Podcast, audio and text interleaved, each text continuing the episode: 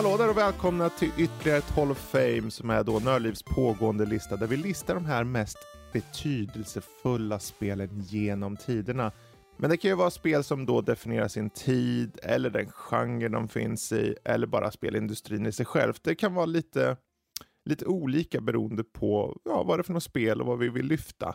Eh, men idén är ju som vanligt att vi ska då eh, ha med varsitt individuellt spel som jag har plockat fram på förhand och eh, vi som sitter här, jag, Fredrik och Emil, vi vet ju inte vad vi har själva. Så här, vad har Emil där? Vad sitter han och lurar på? vad vi däremot vet är det gemensamma spelet som vi kommer att avsluta med sen. men det kommer vi till sen. Uh, helt enkelt. Men den första frågan blir egentligen, okej, okay, men vem av oss två ska börja med sitt individuella? Är du sugen på att höra min eller känner du att du vill lyfta din först? Mm, du, du hade en intressant back and forth där precis innan vi började spela in så jag är lite nyfiken på vad det var du faktiskt landade i. Okej, okay. ja men vet du vad?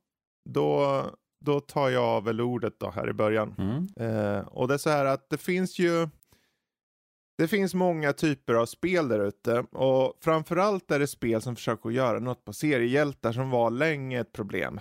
Yeah. Ärligt talat var det ju någonting som var lite av en, vad ska man säga, det var, ja, ja nu försöker de göra ett seriehjältes, superhjältespel här, det kommer bara bli skit. Vi visste att det var så en väldigt lång tid. Det fanns undantag, men överlag. Men sen 2009 släpptes ett spel från Rocksteady mm. Studios som kom att definiera hur du gör ett superhjältespel bra. Och det är ju såklart ja, Batman Arkham Asylum. Mm. Eh, vad det här spelet egentligen gjorde då är att pre presenteras i tredje persons eh, perspektiv och det var fokus då på Batmans strids och smygförmågor, detektivfärdigheter och allting förpassat på Arkham i en, ett Metroid-upplägg. Tro till dig. För att du kunde inte nå vissa saker förrän senare och du fick hitta de här förmågorna som gjorde att du eh, ja, kunde nå vissa saker. och då så här, på den jag kommer ihåg på den tiden, det känns så konstigt att säga på den tiden för någonting som var 2009, men ärligt talat är det 14 år sedan. Så att, eh, det, är så här, det var på den tiden. Eh, och det kom ju till PS3 och 360, men framförallt eh, sen på Windows, det var där jag körde den då.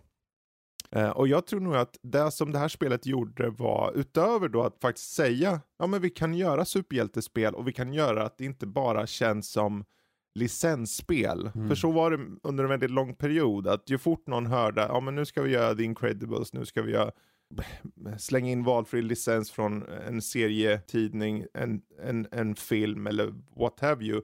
Så vart det lite så här rullande bandet feeling. Väldigt copy-paste liksom. Ja. Uh, men för en gångs skull så hade utvecklarna gått in för att göra en originalberättelse, alltså en, en, en, en egen berättelse. Som i sin tur var väldigt välgjord. Men framförallt idén om, okej okay, men hur anpassar vi eh, mekanikerna efter karaktären? Hur gör vi en berättelse? Hur gör vi en, en spelmekanik som faktiskt känns som Batman? I det här mm. fallet. Och det lyckades då väldigt väl med. På, de, på den nivån att det egentligen, man kan väl säga det att efter Batman Arkham-spelen eh, och framförallt första då så kom det väl egentligen bli att alla ville, okej, okay, aha, så vi kan alltså göra utefter vår karaktär istället för att bara släng på bara generic, eh, skjuta på saker på håll saker så. Från, eller plattform eller vad som helst. Faktiskt försöka utgå från karaktären och gör eh, eh, ett upplägg, ett spelupplägg därefter istället. Mm. Har han gadgets, då utnyttjar du gadgets. Har han eh, eh, ett, en detektivförmåga, då har han en detektivförmåga. Du skannar världen och lite så. Löser crime. Eh, och framförallt hand-to-hand combat som det var. Mm. Och du mm. får in combos. Eh, och att den där tillfredsställelsen som de lyckades med i Batman Arkham Asylum var helt sjuk, ärligt talat. Du rackar upp kombosarna, du känner att de där slagen är så jäkla punchy liksom. Det känns som att varenda skurk, alltså det är ju ett, ett underverk att de överlever egentligen. För han, han dödar ju aldrig någon. Han är alltså elektriska slag ibland eller liksom bara rena hårda slag. Det ser ut som att han bryter varenda ben i kroppen på dem. Jag vill lita in den här Mortal Kombat-kameran. När han så Ja, krossar ben och, och river ut organ och allting. Det är Batman. Ja, verkligen. Men det är just det här, just hur fienden reagerar på, på honom och att han, att det här med att han var liksom faran som fanns i mörkret. För han, du, du tar det upp liksom i, i taknocken och gömmer det liksom och tar ut folk en i taget, lyfter upp dem, smackar till dem och låter dem hängandes kvar där, upp och ner, som vilket egentligen betyder att de dör efter ett tag, om man tänker efter. Mm. Men han, han gör då, du, du gör det i spelet och, och just det är så satisfying Mm. på en nivå som man känner okej. mm, det är väl kul att det är satisfying, men just helheten, att lyckas få till den här superhjälte, detective vision använder de och just att asylumet bara rackar upp på ett naturligt sätt hans Rogue, eh, vad heter det, galleri Mm. gör att det känns naturligt, det känns organiskt. Och jag tror det var det som gjorde att Batman-spelet gav de här eh, ringarna på vattnet sett till övriga spelvärlden. Att folk, när, när utvecklare sen skulle göra sina egna takes, det har ju kommit både bra och dåliga såklart spel på superhjältar och allt det där. Men de som faktiskt har följt lite av just idén om att göra eh, en egen vision utifrån sin karaktärs eh, färdigheter har oftast lyckats ganska bra och det har egentligen kommit från arvet av eh, Arkham Asylum skulle jag säga. Eh, sen är det ju, man ska ju aldrig neka att det är skitkul bara höra smockan liksom rungandes genom eh, en ljudvåg liksom som träffar dig som spelar. Bara, Åh, det låter så skönt när jag smackar snoret ur den här bad guyen. Och sen så kommer det in tre, fem, tio stycken runt om dig och du bara i en slags dans nästan tar ut den i taget. Bara, och rackar upp. Och sen kan du avsluta, sista gubben är ju alltid en, en finisher liksom. Så du ser den i slow motion. Och så flyger den upp och så en scene. Och sen går det tillbaka till undersöka, mycket dialog. Vad är problemet med Joker? Vad, vad händer med Joker den här? Det händer ganska mycket. Mm. Ehm, jag vet inte, det, det är bara ett sånt, sån, sån fräsch take i en tid där det fanns så mycket skvalp sett till försöken till att göra eh, någon form av superhjälte eller bara någonting på, på serietidningar överhuvudtaget för den delen. Det behöver inte vara superhjältar mer som på serietidningar. Jag tyckte det var, det var skönt bara.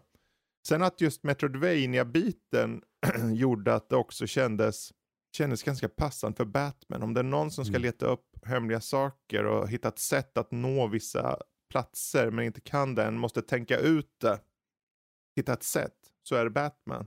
Så att eh, hela konceptet funkar. Och sen i uppföljaren så kanske gick de en annan väg, men det, det får, får ta upp en annan dag om det kommer in. Ja, men, Men eh, jag vet inte, hann du köra Batman Arkham Asylum någonting eller? Väldigt lite. Mm. Jag har ju haft, alltså det var, det var ju när jag skaffade, eh, vad ska man säga, jag, jag kom ju tillbaka in i, i gamet, i gamet med PS3 och jag spelade aldrig på den men jag hade ju liksom möjligheten men, Mm. men det var någonting, eh, för mig var det nog kanske lite fatig kanske av, av superhjältar eller något, Eh, för vi hade ju fått Dark Knight, eh, inte Dark Knight Rises, vi hade fått Dark Knight, eh, filmen där innan, bara Ja, just år. det. Eh, Precis. så det var väl, alltså jag var så ingrodd i den här väldigt grundade Batman och bara nej, det ska vara Mm. så här just nu och det är det jag gillar. Och jag kommer inte ihåg vad jag gjorde. Jag tror inte jag hade mycket pengar under, alltså 20, 20 vad heter det? 2009 hade jag inte pengar. 2009. 2009. Precis. Så hade jag inte pengar heller till, till sådana grejer, utan jag köpte ju min PS3 2012. Mm. Och då fanns det massa annat jag spelade och gjorde istället. Ja, men det är ju lätt hänt.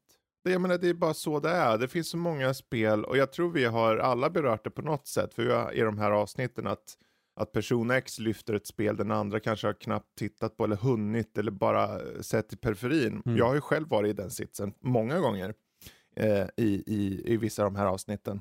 Så det är definitivt inte konstigt.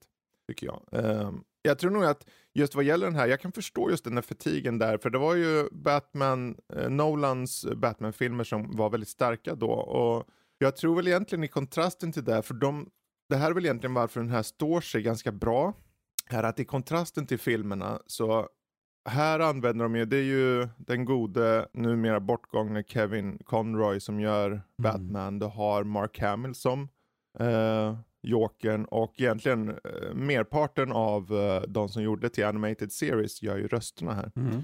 Och eh, då har du en ganska rå take på Batman. En Batman som i sig är relativt uh, chiseled out i hur han är som karaktär. Han, han är inte på något sätt som filmerna.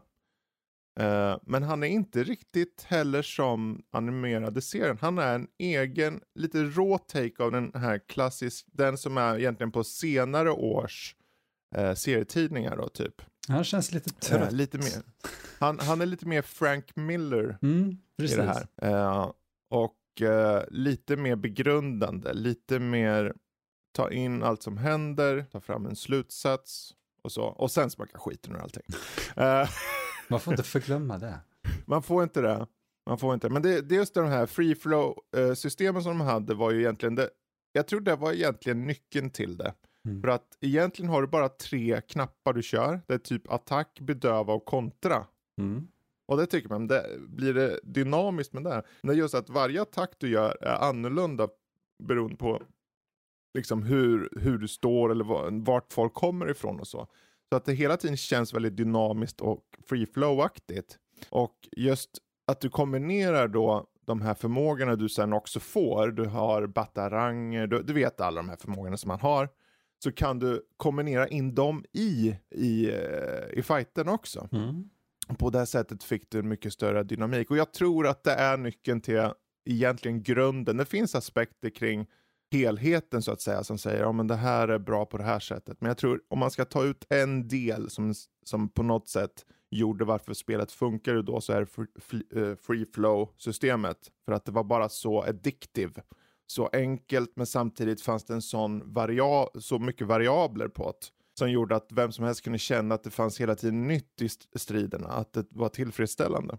Och det var få spel som lyckades få till det. Ja, det är ju inte förrän alltså typ tio år efter egentligen som jag kände att där började spel verkligen greppa mm. någorlunda. Alltså äh, Spiderman exempelvis mm. är ju det som jag började tänka på på en gång och det gjorde ju... Precis, den perfekt. är ju en direkt uppföljare, Exakt. alltså rent andligt mm. till Arkham faktiskt i, i stridssystem. Den är ju väldigt snarlik. Oh, ja. Um, vilket är kul där uh, att se. Sen finns det ju andra aspekter där som de lyfter upp till himlen och tar det till en annan nivå. Han lyfter upp folk och, och gör roliga attacker med nätattacken och så. Yeah.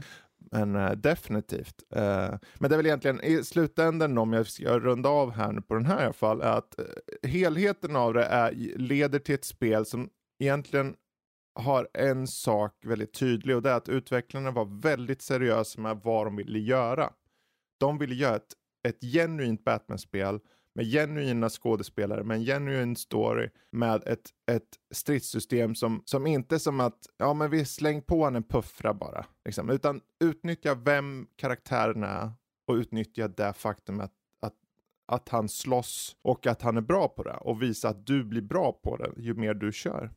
För om du kan få de där kombosarna att, att bara rackas upp och du når 50 plus eller något, då blir det så här. Det, det, är, det är aldrig någonsin att han kommer in i så här ultra mode eller någonting, men att, att du får ett flöde efter ett tag är, är väldigt tillfredsställande. Mm.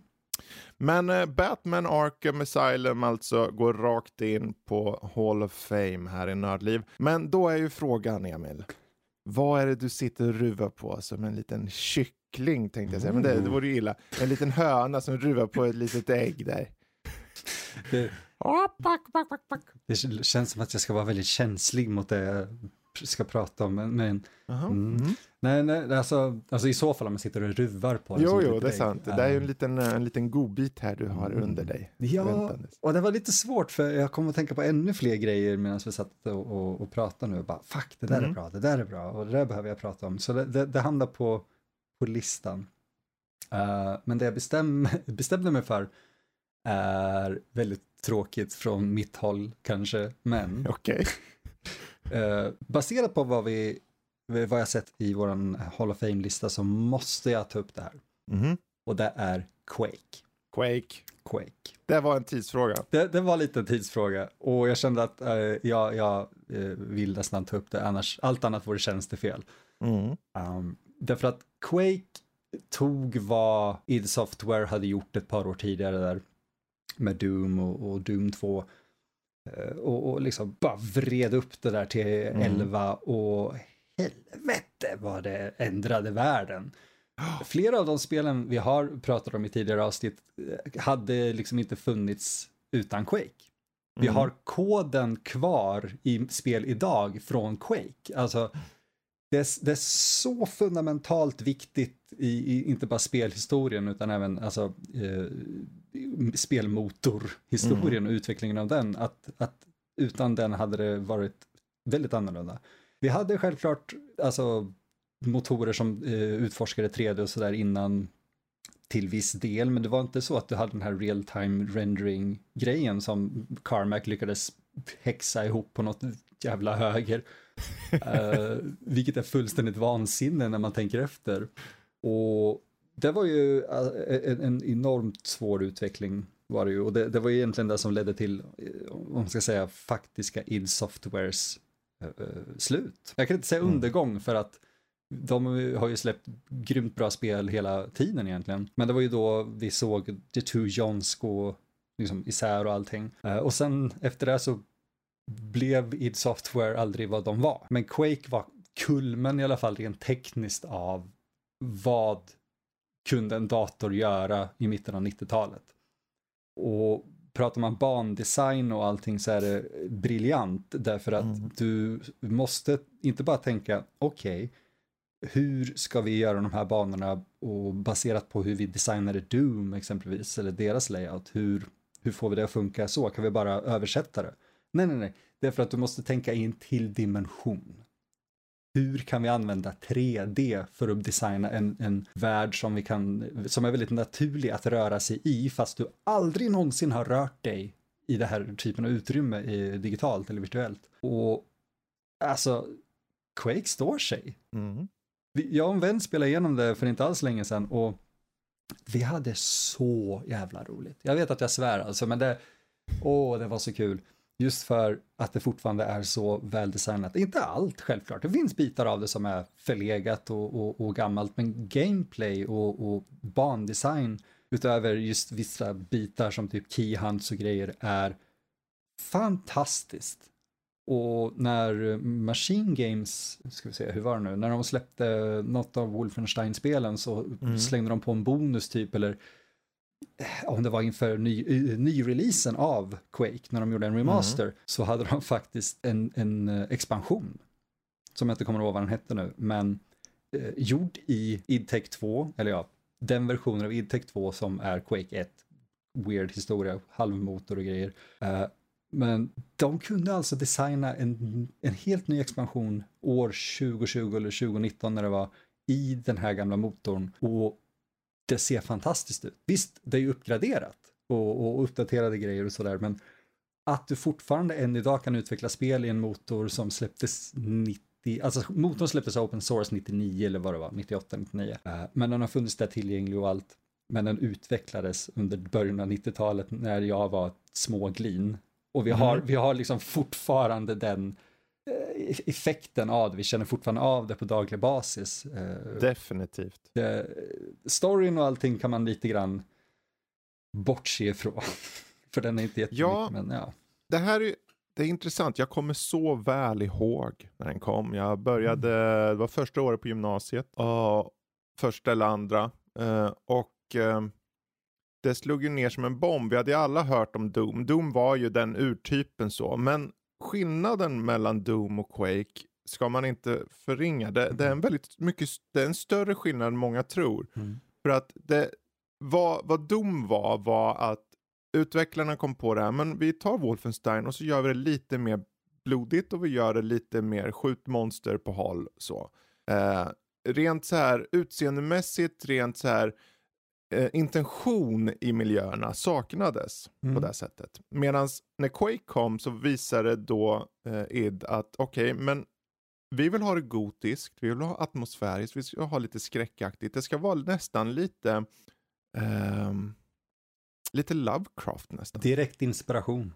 Ja, så att vad det innebär då, att du har, det må vara en evolution av Doom på ett sätt, men, eh, men framförallt så är det så här, okej, intentionen i varje miljö finns där.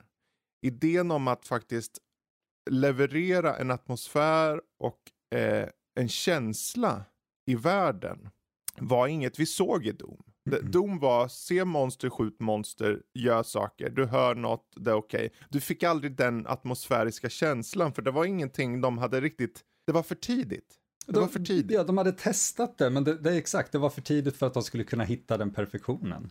Precis. Men sen kom då Quake och slog ner och, och jag, jag vet inte, vi alla snackar om, okej det var ju, det var ljudet, det var musiken, Mm. det var bild, alltså bara det. Man, man, nu idag så kan man säga, men vadå, det ser inte, det, det, allting är så dark and gritty och, och brunt. Precis, med flit. Mm. Det är, liksom, det är till för att vara nästan lite klaustrofobiskt i sin sån här, den här gotiska feelingen. Och det är det som är målet. Det är det som de ville få in. Ja. Innan hade de aldrig riktigt tänkt på det sättet. Det var en enorm milstolpe att kunna skapa ett första personspel 96 som hade en intention med sitt utseende, en intention med, med sin ljudbild, en intention med sin musik. Vad var det? Inte, vad heter han? Trent. Re- Reznor Yes. med eh, Nine Inch Nails där. Eh, det, var liksom, det, var inte, det var inte att de bara, ja ah, vi fick ta på den här killen, han är bra. Nej, nej. De ville ha någonting som matchade sitt utseende. Vi hittar något och så hade de turen att få, för Nine Inch Nails var väldigt stora då. Mm. Ehm, och att få med honom var någonting som dikterade mångas upplevelse. För 50% av spelet är ljud och, och musik liksom. Ja. Så att eh, det var en stor grej och jag håller med för jag faktiskt körde det här bara för en, två veckor sedan. För det kom ut på Game Pass. Ooh. Och jag tänkte jag måste känna på det. Och mycket riktigt, det sitter som en smäck Ja. för att någonstans, det finns så många olika första personsspel där ute. Och många har olika motorer och alla liksom påverkar dig som spelare på olika sätt. Jag vet för mig personligen till exempel så blir jag åksjuk av vissa Mm. monolith-motorer till exempel. Half-Life, jag blir åksjuk direkt. Vissa andra funkar utan problem. Och vissa kan sitta i timmar, Unreal Tournament, Quake och så vidare. Inte Doom, Doom blir jag lite dålig av. Men det är den tidiga, de man inte kunde röra på sig fritt. Mm. Samma sak, det var nästan värre med Duke Nukem 3D. Då mådde jag så jäkla illa. Tyvärr. Eh, Ja, men den motorn är kajko. den är lite kajkig. Men, men Quakes motor var just det där steget in i 3D-accelererad eh, miljö som gjorde att alla bara skrek efter. Det var det här spelet som satte 3D-FX på kartan Yes. grafikkorten.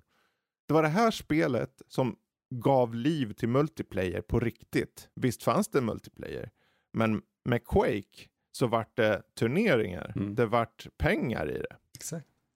Det är alltså... det ja. Nej, men Doom och John Romero särskilt gav ju grunden till Deathmatch. Men det var Mm. exakt som du säger, det var inte förrän Quake kom och, och, och blev just turneringar officiellt, alltså events. Mm. Eh, innan var det folk som satt i källare och hade LAN och grejer och det var fine. Alltså det var kul att se det växa fram och det fortsatte ju under åren och bli större och större. Men det var inte förrän efter Quake som det verkligen exploderade och blev det det är idag. Precis. Ja, men de gjorde ju till och med Quake World den här uh, tjänsten för att du kunde köra, eh, det var nätverkskod helt enkelt, Ja. online. Fan, vi har ju Eh, QuakeCon. Liksom. Precis. Eh, men just att skapa då nätverkskod som är gjort för online multiplayer 1996. det vill säga, idag är ju online-spelande en, en integral del. Det är bara något som finns. Det är som säga, men uh, himlen är blå. Ja. Så här, det, man bara förutsätter att någonting finns där Mm. i många spel. Jag menar, eh, men på den här tiden så när, de, när man spelade online, eller du spelade egentligen aldrig online, du spelade LAN hemma vid egentligen. Men att, att skapa möjligheten med ett eget hemsnickrad liten program, Quake World. Eh, eller en uppdatering var det snarare för Mm. mig. Eh, ni får ju rätta mig om hur mycket jag har fel där ute, men jag, det här, jag utgår bara från vad jag kommer ihåg nu. Men just den här idén om att du faktiskt, om jag går online och hittar andra som inte sitter i mitt lokala nätverk. Yeah. Det var faktiskt en enorm, enorm eh, aspekt till det hela.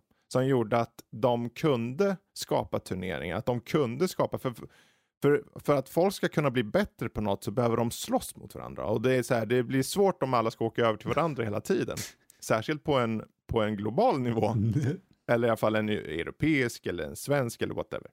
Men just att de då skapade det, eh, Quake World och eh, online multiplayer som passade så bra och det hade varierade olika typer av multiplayer-val och grejer. Gjorde att det var så här, det här skapade eh, mer eller mindre eh, dagens online-spelande Ja. på många sätt och vis. Var, om jag minns det rätt så var det liksom var två fans i, Mm. till typ ja, men, Doom som kom på någonting om att åh, vi kan ju öppna upp där eller typ hacka runt eller vad det var. Mm. Använda den här extremt fina koden ändå som Mm. Carmack faktiskt har gjort och, och lyckades göra så att man kunde komma ut med den och sen blev han, Carmack blev så här, vad fan, det där är ju genialt, varför kommer inte jag på det? Sen så gjorde han Mm. just det han gjorde med Quake. Eh, men jag kommer inte ihåg vad de andra två hette faktiskt, men det är ju där det tog den grunden och han förfinade den. Mm. Och det är, det, det är ett konstverk att titta på den koden. Alltså det, Mm. det är som att gå på ett jävla museum, den är så vacker. Fan, den finns där ute, det är bara att kolla på den. Och om man är intresserad, det låter jätteweird att bara säga titta på en kod, men ja. eh, det, det förändrade allting. Gjorde det. Eh, både till det bättre och det sämre. Alltså det är det, det blev mycket personliga problem för dem efter det. Eh, och Quake i sig blev aldrig exakt vad de hade tänkt sig. Det blev, de lyckades ju, som du var inne på, de hona in och liksom gjorde vad de kunde med det de hade och de gjorde ett Mm. jävla bra jobb. Men det fanns så mycket större idéer många av dem tog John Romero med sig till Daikatana och vi vet hur det gick. Ja, det, är, det är en annan berättelse för en annan dag. Ja, ja, men det, det är lite En synd. rolig berättelse. Ja, det, den är superkul. Det här kommer, så, det kommer jag ihåg på dagen. Oh. För vi var så, vi var så sugna på Daikatana. Eh, så att på den tiden fanns ju inte förbokningar, eller fanns ju förbokningar typ, men man gjorde ju inte det för det, var in, det fanns inte som en idé riktigt Mm. så. Man, man gick ju på låset och kollade och så. Och jag hade beslutat mig för att köpa Daikatana. Och jag tänkte jag ska köpa det vid lansering, jag älskar ju den. eh, Jag tror att det kommer vara bra. Och sen så såg jag, det hade kommit ut någon trailer. Det här är ju ganska tidigt ändå. Det känns som att det är 99 däromkring, 99-2000. Jag kommer inte Ja, ihåg exakt när typ- Daikatana. 2001 tror jag. 2001. och det hade precis börjat komma trailers och sånt. Jag såg trailern och bara oj, det här ser ju, alltså. För problemet på den tiden var att grafik från, från ett år till ett annat kunde förändras helt. Mm. Och jag hade kört Deus Ex då runt 2000 och en bunt spel. Så att min bild av att, att jag vill gå vidare, jag vill, gå vi- jag vill se nästa spel. Och sen såg jag Daikatana och det såg ut som, men vänta det här ser ut som typ 95 års grafik. Polygon deluxe här och det var så här scrappy. Så jag ändrade mig på dagen Oh. att köpa. Annars skulle jag haft en big box. Så det, det är synd på ett sätt för det hade varit kul att ha en big box på Daikatana. Oh ja. Bara för att. Men eh, det blev aldrig. Men det, vi, ja, det finns mycket att berätta om Daikatana. Jag har ju kört det i efterhand och så, Mm. men det, det var många år sedan nu. Men kul nog, jag vill bara flika in där, vet du vad som räddade Ion Storm, alltså Daikatana-utvecklarna eh, Mm, under den vad? perioden? Deus Ex. För att Deus Ex släpptes via Ion Storm och Gathering of Developers för att John Romero sa till Warren Spector, ta och gör ditt drömspel, jag är en rockstjärna, vi har miljoner. Eh, vilket också är en historia i sig, men det är så kul att de två spelen var på helt olika änden av spektrat eh, från samma folk. Mm. Eh, I slutändan ledde det till fördärv dessvärre och John Romeros ego fick en enorm törn. Men eh, det är en fantastisk bit av eh, spel och teknikhistoria som eh, det få, få känner till. Fler Mm. behöver läsa på om det, det är intressant. Verkligen. Jag hoppas vi kan, eh, kanske kan ha någon, eh, vi får vara med i vanliga podden, kan vi snacka om Daikatana någon gång? Ooh. Faktiskt. Man kanske kan hitta, det.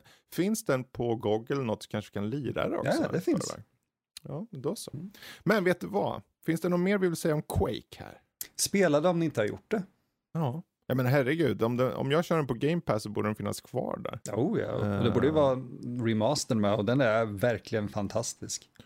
Precis, och de har både Quake 1, 2, 3 och 4.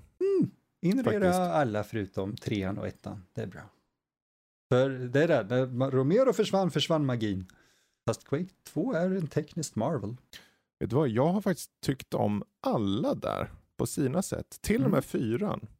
För Oh. att, för att den har, de har de här sjuka scenerna när man liksom, det blir en sån här, vad heter de, skrogg? Strogg. heter de? Strogg. Och du, dina armar och ben skärs av, du sitter i en stol och allting. Och sen ska du försöka överleva miljöer. Och det är så jävla B-story. Och Peter Stormare är med för mig. Och, och grejer. Jag vet inte, jag tyckte det var en sån, det är ungefär som så här riktig ultra B-film på ett roligt sätt fast ute i rymden och du blir av med lemmar och armar och allting på sin tid. Eh, är det, är definitivt inte den bästa Quake, det är den sämsta Quake. Men, eh, och däremot Quake 3 Arena har en, s- en Mm. specifik plats för mig för att eh, Kommer du ihåg idén om antingen är du rockare eller syntare? Uh, Det fanns i alla fall där. Ja. Man var antingen så här metalhead eller så var du syntare. Det fanns också i spelsammanhang. Antingen är du Unreal Tournament-person eller Quake 3 Arena-person. Oh. Och jag var ju så här, ja minsann Unreal Tour- Unreal Tournament, där Quake kan dra åt helvete. Men vet du vad? Quake 3 var jävligt bra. Mhm.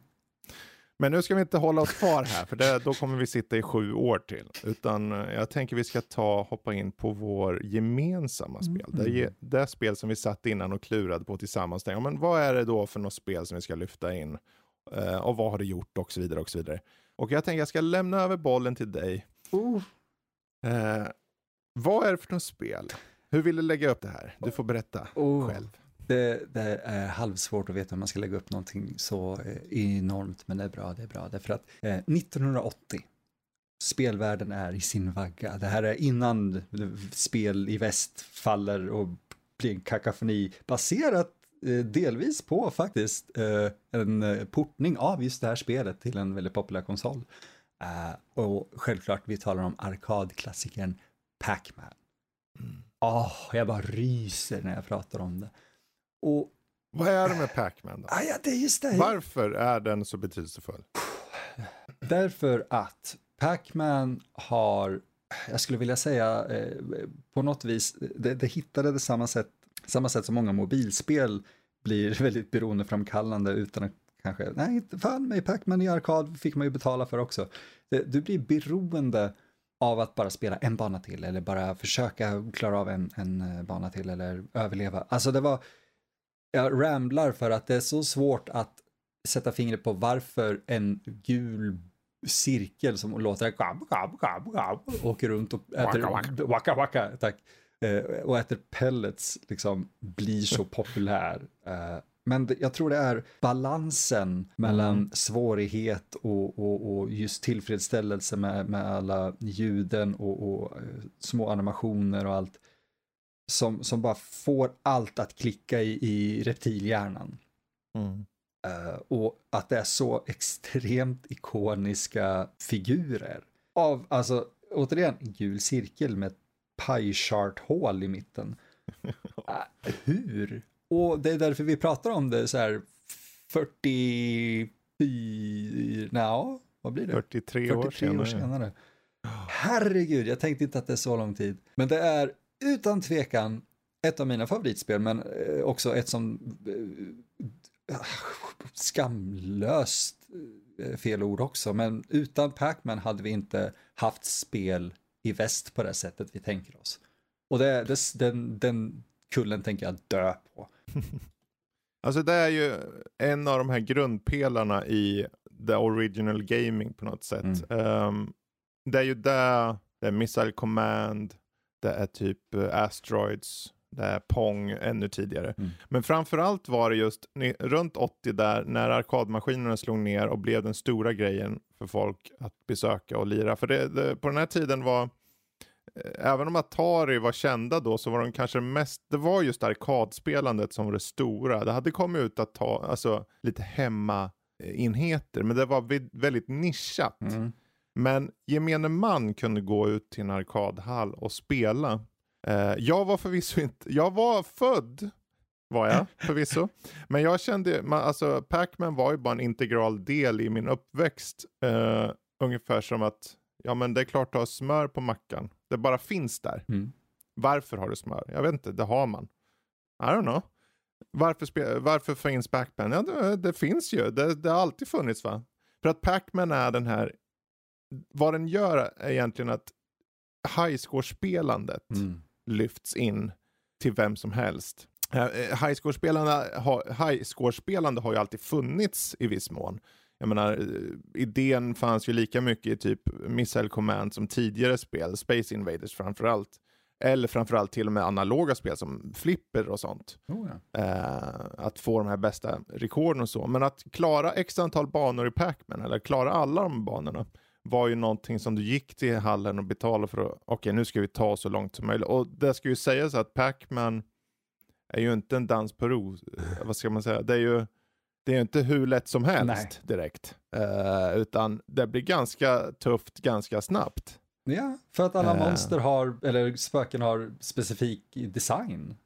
Precis. Som är, när man kan det så blir spelet, re, rela, inte enkelt, men det blir lättare att se bakom ridån. Jag, ska säga. Mm. jag tror när vi, sist jag var uppe och, och hälsade på så satt vi och spelade lite Pac-Man. Mm. Och där någonstans så började min hjärna klicka igång sen när jag spelade som mest och bara just det, den där, jag kommer inte exakt ihåg hur alla funkar men det var den där, när den röda rör sig sådär, då vet jag att jag kan ta mig upp bakom och vid sidan av den. Mm. Och just mm. att det finns ändå den nivån av, av eh, interaktivitet i den, man ska säga, att det finns faktiskt en typ av strategi och allt är inte bara helt random gör det så mycket mer intressant att spela. Mm. Eh, det är, till skillnad mot Asteroids eller Missile Command som är fantastiska spel men ganska platta i jämförelse, så, så vill man ta del av den här färgglada och, och, och väldigt eh, högljudda, kan man väl säga, världen helt Mm. enkelt. Och det, det, är, det är verkligen vansinne för hur, hur brett det blev. Det är fart, det är... Eh, det kanske är det jag bara vill stryka under, det är fart. Till skillnad mot Asteroids. fart i det här. Det är fart i det. Vilket gör det så mycket roligare än eh, många andra spel som fanns vid den tiden. Och det, Mm. jag har grävt mig igenom många arkadspel. Och jag äger ett flertal av dem. Och, alltså Space Invaders, fantastiskt jävla spel. Helt otroligt. Men du, du styr också bara en, ett skepp längst ner och skjuter Mm. rymdvarelser. Pac-Man, där använder du en spak och det är fortfarande mer interaktivt. Det är design deluxe. Mm. Eh, och vad heter han? To, Toru Iwatani. Det är jättebra uttal säkert. Eh, han har ju liksom, alltså han som designer och regisserade Pac-Man, han har hållit sig ganska så här lite, inte i skymundan, men han gjorde sin grej och är rätt nöjd med det, verkar det som. Mm. Han, Alltså det blev ju ett fenomen och det är ju ungefär som Tetris på det Ja. sättet att det har ju förts över till så många plattformar. Så, alltså du kan ju köra på din mobil idag och du kommer kunna köra ganska bra. Eh, och många av de här tidiga spelen var ju lite definierade på det sättet att det ska vara direkt, Mm. det ska vara eh, addictive, det ska vara eh, enkelt komma in i, svårt att bemästra. Ja. Och eh, Pac-Man var ju ett sånt spel. Man kan ju titta på det och tänka, om det ser färg, och det var ju en styrka, du var inne på det. Det ser färgstarkt ut. Mm. Det har de här, det, det, vad ska man säga, inte godisbitar, men vad är det, typ frukter och grejer. Man, mm. ja.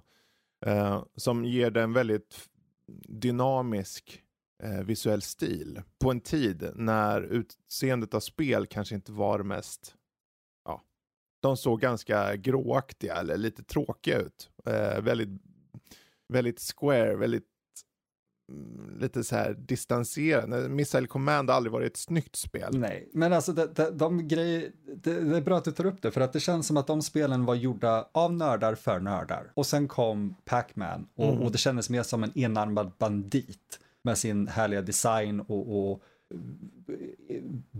vågade säga här är jag, titta på mig och det hade inte mycket Mm. alternativ för att barn som vuxna drog sig till de här färgglada figurerna och tittar man på de tidiga eh, arkadkabinettens design så det, det ser ut som en stor härlig leksak. Mm. Och spelen Precis. reflekterade faktiskt designen. Precis så. Precis så. Oh. Uh, jag vet inte, vi, det, det är ju uppenbart att det har gett ringar på vattnet och jag skulle säga att de största ringarna på vattnet är väl egentligen just arvet av att ha en, en, en enkel spelidé som alla kan ta till sig. Mm. Och då kan man säga, men det, ja, ja, men det är väl det enklaste du kan göra. Nej, tvärtom. Det är det absolut svåraste du kan göra. För det är en sak att säga, ja, men idag till exempel, många kan ju FPS. FPS i, i den yngre generationen är så pass vedertaget att du kan göra ett FPS nästan som en mall och vem som helst kommer plocka upp det. Och, eh, men fortfarande finns det element i det som gör att det är kanske inte är fullt on approachable. Mm. Eh, men Pac-Man, du styr åt sidorna. Ja, klart. Ja, ja, Eh, exakt. så, och, och idén är så enkel. Du ser på skärmen, okej, när jag går med den här så äter han de här plupparna. Och när jag tar de här större plupparna, då kan jag äta spökena. Du behöver inte ens ett tutorial. Moderna spel behöver du egentligen, du behöver köra ett FPS. Okej, vad gör den här saken? Hur funkar det här? Hur kommer jag in i det här? Vissa droppas av på den här, det blir för mycket. Det, det här är mycket. Och så är det XP-modeller på saker idag. Och sen är det online-aspekter. Och sen är det, det, det, är här, det finns så många lager som man, som man egentligen, om man tänker på att göra att det blir lite avskärmande Mm. eh, för i alla fall de som är ovana med det. Medan ett spel som Pac-Man kommer vara approachable för vem som helst i alla tider tror jag. Onekligen. Eh, och den, den idén om att göra ett spel på det här sättet är ju då något som har format mängder av spelutvecklare genom tiderna. Eh, och troligtvis eh, kanske låg till grund för eh, egentligen hela arkadgenren då. Ja, alltså, det är just det, för det här är ju inte bara någonting som inspirerade, alltså, eller hade spin-off-spel eller Mm. eh, låt oss ta Dark Souls eller Demon Souls som exempel. Vi, vi, vi fick mängder av Souls-likes. De försökte kopiera formulan. Mm. Och, och sure, Souls-likes, vi säger det för att de grundade i princip en genre, men det var fortfarande tredje person, det var RPG, Mm. det var fantasy, fine. Pac-Man gjorde, det, det, alltså det var nytt. Det, och jag säger inte bara det som att åh, spel fanns inte innan, för som du var inne på, det fanns spel innan. Men det här skapade inte ens en genre, det, det öppnade upp alla möjligheter för alla att både ta till sig och även utvecklare att liksom, åh, vi kan spinna vidare på det här, för Mm. designen var så extremt enkel med beroendeframkallande. Precis. Jag menar, och det är ju så eh, att många, många spel kan man ju säga, men det, resten blir domkloner, resten blir ditten och datten, att det liksom folk gör variationer på ett spel. Mm. Det är svårt att göra variationer på Pac-Man för, eh, och, och få det att inte vara bara Pac-Man. Eh, Många rättsfall. Mm. Ja, så att, eh, och det är ju väldigt starkt i sig att lyckas med det. Att det blir eh, oefterhärmligt på något sätt. Och det är ungefär som ni hade Tetris i ett avsnitt. Så här, det, det går, du kan göra en Tetris-kopia med liksom andra saker, men folk kommer säga om det där är som Tetris fast sämre. Ja. Och det, det, är liksom, det, det blir så svårt. Man vet då att utvecklarna fick till någonting väldigt bra. Mm. Eh, och det är också det som får det att stå så här 40 plus år senare. Det- Det, det tycker jag är fantastiskt. Eh, jag menar bara det faktum att de fyra olika spökena hade sin unika AI Mm. eller personlighet då 1980 säger någonting med hur mycket de tog tid med att göra det här spelet. Eh, sen är det alltid kul med high score-spel överlag för det, det som koncept tycker jag är ett koncept som jag tror alltid kommer överleva. Vi kommer se trender, det kommer vara Battle Royale som går över till det här, som går över till det där och så, så. För att så är vi människor, vi gillar att byta och känna på nya saker. Men highscore-spelande kommer alltid finnas i grunden. Varför sitter folk med Trackmania än idag, som är också typ 20 år gammalt? För att du tar med en millisekund bättre rekord i det här highscore. Du tar och wacka wacka dig genom en bana och får det på aningen snabbare tid med lite bättre poäng. Let's pack. Det, det, det går inte att värja sig för. Det är Nej. det. och så länge de håller skill trees och, och lootboxes borta från min Ja, det är väl Pac-Man det. Så här, ja, nu kan du levla upp uh, Pac-Man Då här. åker alltså. fan ut Ja, genom Han kan få fönstret. ett svärd. De gjorde ju typ, vad Pac-Man, Pac-World och Pac-Man 2 och grejer, vilket är så här, ni Ah. försökte ni för mycket. Men jag förstår dem. Man Eh. förstår ju, det är ju också, det är, kul, det är en kul aspekt, för det är ju oefterhämligt i, i den mån att till och med utvecklarna själva kan inte göra något bättre. Nej. Riktigt. De kan bara försöka förändra formulan och då tappar du enkelheten och det direktheten i det. Det, blir, det är svårt. Men vad är det, för jag är bara nyfiken då, din koppling, personliga koppling, för vi ska runda av nu. Jag brukar runda av med just se eh, våra intryck av spelen under tiden de kom eller när vi först fick erfarenhet av dem. Och då, har ju- då har ju re- redan berättat lite. Mm. Men eh, kommer du ihåg, när körde du Pac-Man först och varför, varför slog det an så mycket som ni gjorde? Liksom? Jag, jag tror inte att jag faktiskt, jag, jag kommer inte kunna komma ihåg när jag körde Pac-Man första gången, för exakt som du var inne på, att det, det var så självklart, det fanns i kulturen omkring mig. Och det var lika naturligt som vad som helst. Men vi hade sådana här plug and play eh, konsoler som Mm. man typ köpte på macken eller någonting.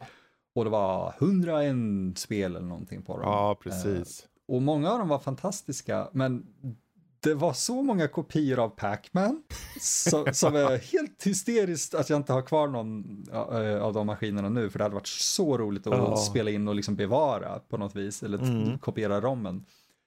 Och någonstans där så klickade väl Pac-Man med mig och sen lyckades jag faktiskt, eh, där jag minns eh, tydligt i alla fall, att jag lyckades ju få tag på en tidig Atari Mm. och med det fick jag tag på, inte Pac-Man, för gud nej, men jag vill ha det lite av ren morbid nyfikenhet, men jag fick tag på Mhm. Miss Pac-Man.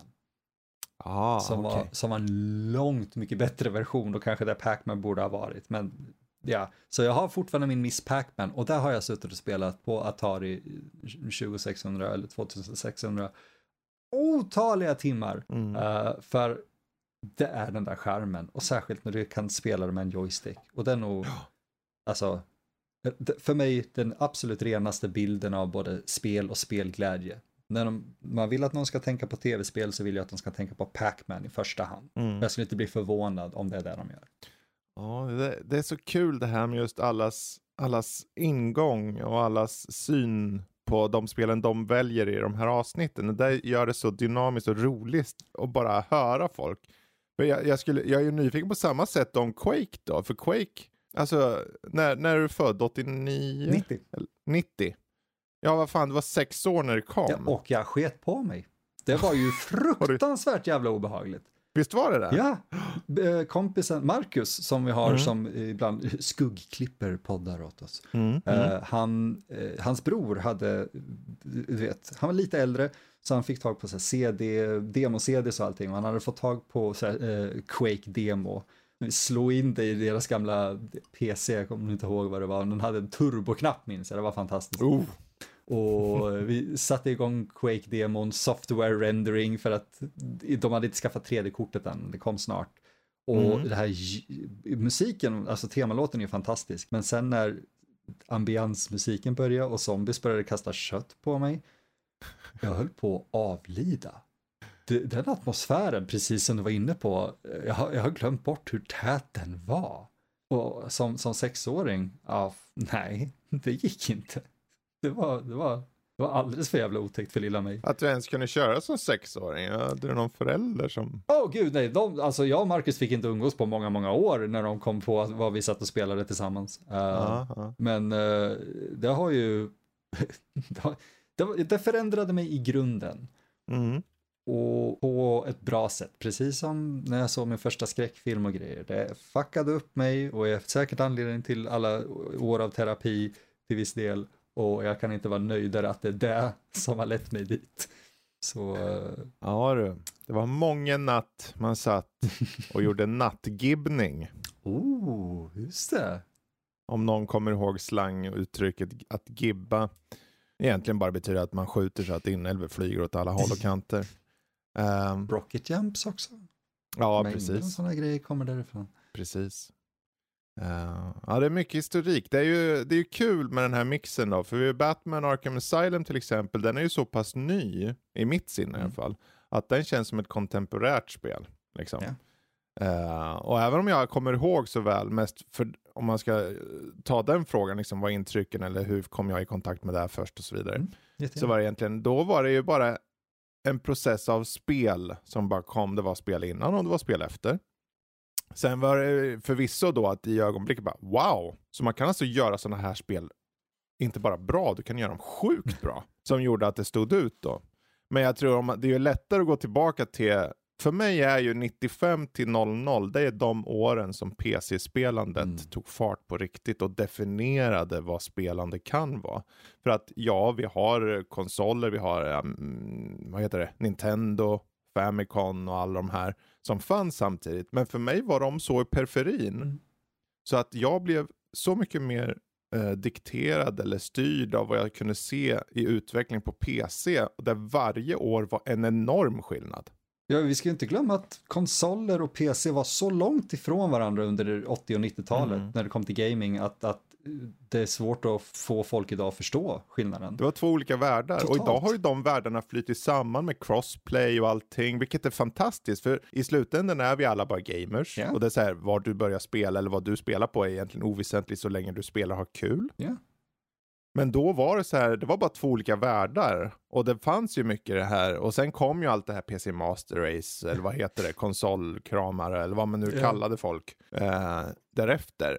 Men det var ju bara mer en konsekvens av att det var lite åtskilt. Men det var inte åtskilt med flit, det var mest bara en konsekvens av hur teknologin fungerade. Och att eh, fördelen med konsoler var att du visste hårdvaran, du kommer göra spel och de kunde liksom fin justera spelen ut efter den, medan PC var hela tiden den här grasping for the next generation yeah. nu.